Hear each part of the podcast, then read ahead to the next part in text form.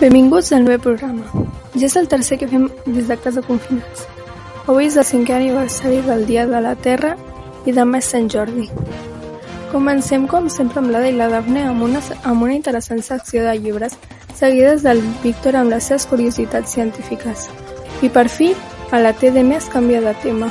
I per acabar la secció de músiques amb el Marçal. Ja podem començar. Hola a tots i totes i benvinguts a la nostra secció. Soc la Dafne. I jo sóc l'Ada, i aquí parlarem de la història d'autors de llibres.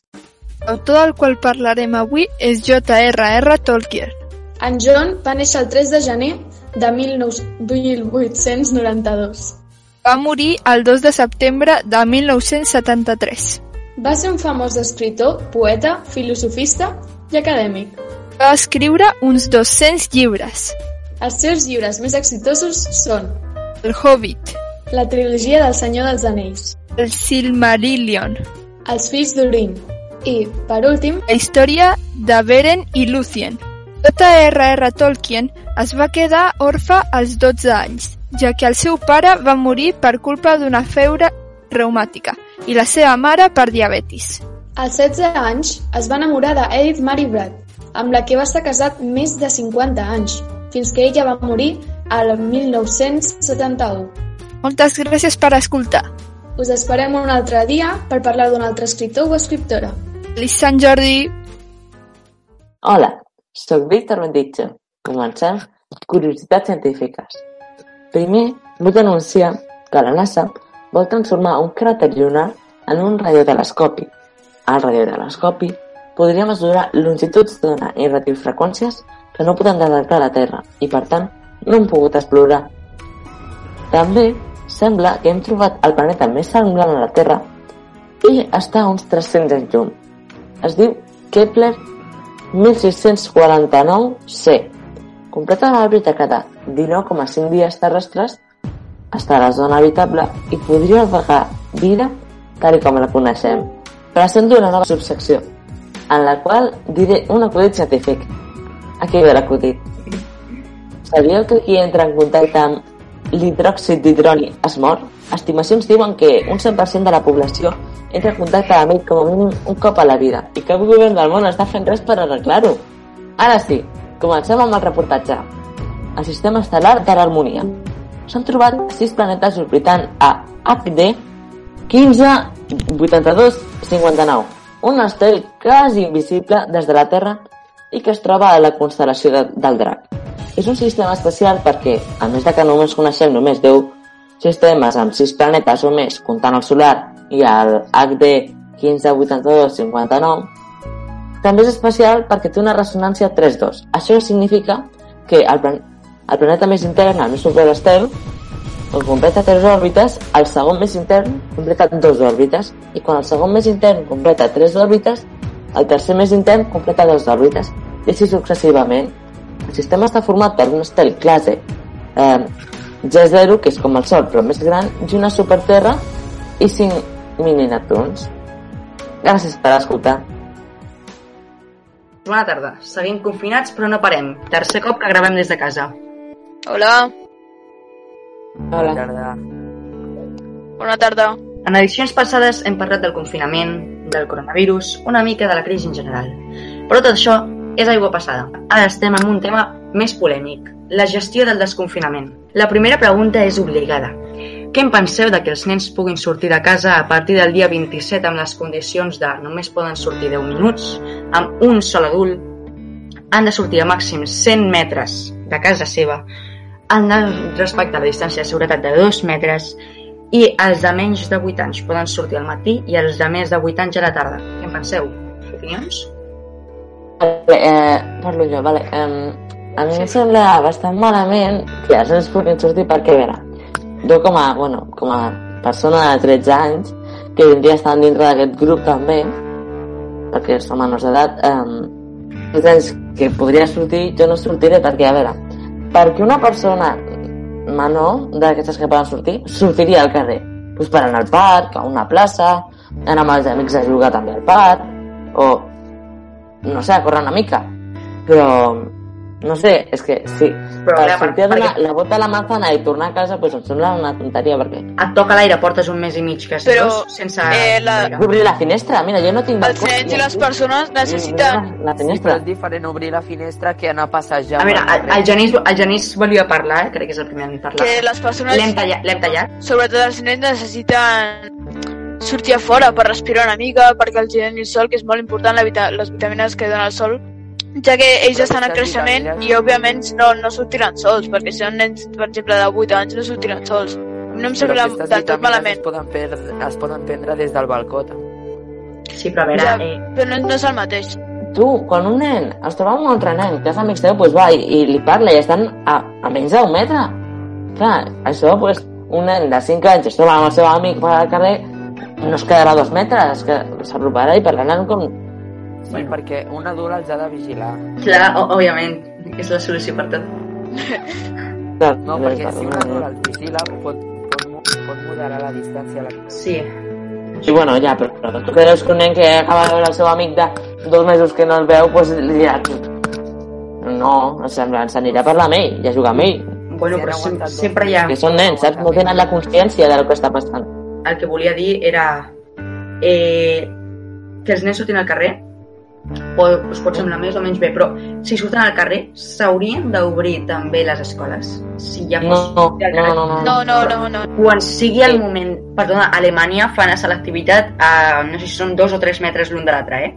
Ah, perquè és Però, que una cosa eh, és una activitat perquè vas a una universitat i una altra cosa Però és és diferent. anar a una escola, que situació- virtualment. La situació és més crítica aquí. Vale, però quan ja sigui el moment que, jo, que ja tothom pugui sortir, creieu que ja s'haurien d'obrir les escoles? Que encara s'hauria d'explicar una mica. Bueno, és que Eh, en l'hipotètic cas de que sortim ja quan, ja sigui, quan encara hi hagi horari escolar, eh? pensa que Sí, si sortíssim perquè- tota la gent a la vegada... que la... Bueno, si sortíssim tota la... Ah, està parlant el Genís, sisplau?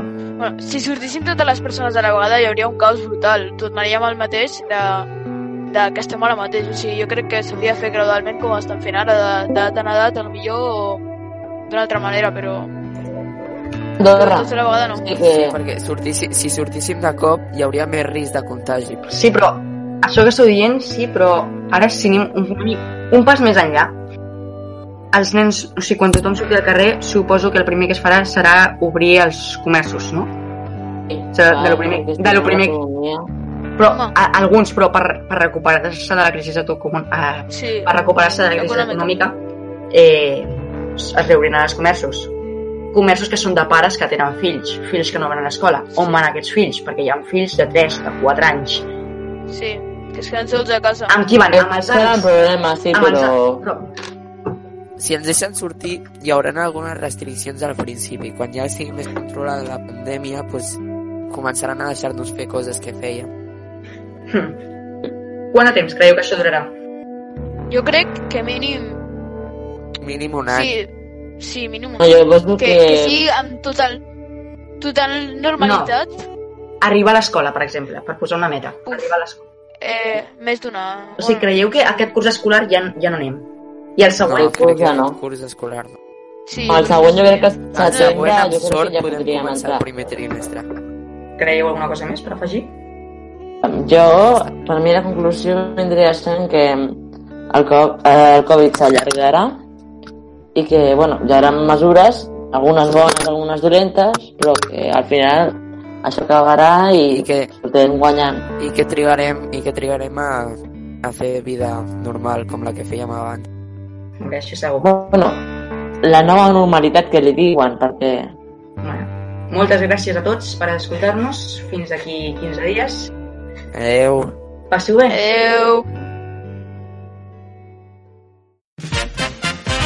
Benvinguts al concurs! Recordant la pregunta com es deia l'illa que estava dintre de les costes de Barcelona? La resposta era l'illa de Mayans. Durant la construcció del primer moll del port de Barcelona, l'illa va quedar dintre de la ciutat. Avui en dia, la ronda litoral passa per sobre. Ens han tornat a arribar un munt de respostes de vosaltres, però la persona que respost correctament i més ràpidament ha sigut Jaume Pou. Ara, la pregunta del pròxim programa és... Com es diu el famós robot que ajuda a, a fer operacions quirúrgiques? Ai, se m'oblidava! Com que el pròxim programa serà el número 10, qui guanyi aquest concurs podrà decidir la pregunta que sortirà al pròxim concurs i preguntar-la directament amb la seva veu al públic. Recordem el mail al concurs de Víctor arroba gmail.com Esperem les vostres respostes. Hola, sóc el Marçal i estem a la secció de músiques. Avui parlaré de Eric Patrick Clapton Shawn. Eric Clapton és un guitarrista, cantant i compositor de rock i blues, conegut per la seva maestria amb la guitarra elèctrica, en concret amb la seva Stratocaster. És conegut amb el renom de Slowhand des de la seva època a The Yardbirds. A la, a la vista de molts crítics, Clapton ha estat un dels artistes més respectats i influents de tot el temps. A més, apareix al lloc número 4 de la llista dels 100 millors guitarristes de tots els temps. I en el lloc número 53 de l'especial 100 Great Artists de la revista Rolling Stone. És reconegut com un innovador en diverses etapes de la seva carrera, practicant el blues rock amb Jones Malice, Blues Breakers, i de Jarvis, i el rock psicològic amb Cream.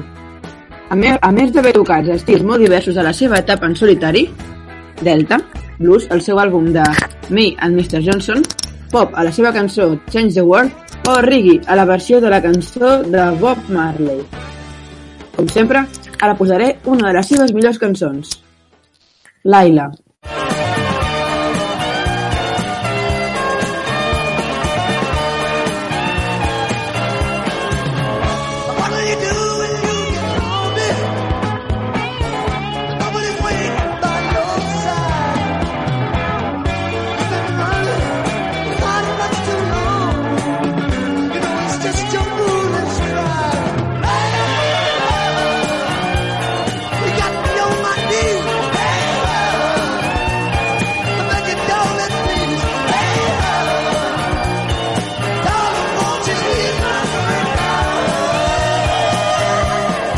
Espero que us hagi agradat.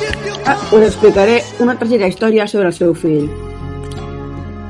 Un simple dia, com va ser, el 1991, el fill de 4 anys Eric Clapton, Connor, va caure des d'un 53 pis d'un apartament a Manhattan, a Nova York. Una mestressa va netejar el pis, va deixar una finestra oberta i el nen va caure. Clapton va escriure una cançó en memòria seva i, i amb aquesta cançó acabo el programa. Adeu.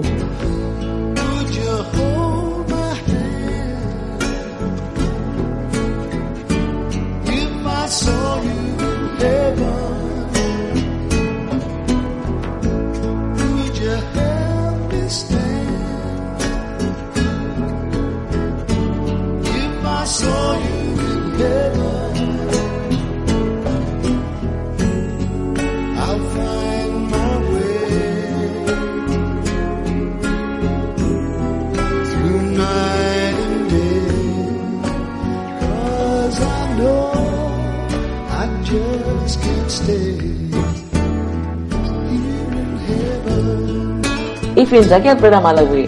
Moltes gràcies per escoltar. Això és Programa Espinal a Isidreta Ràdio.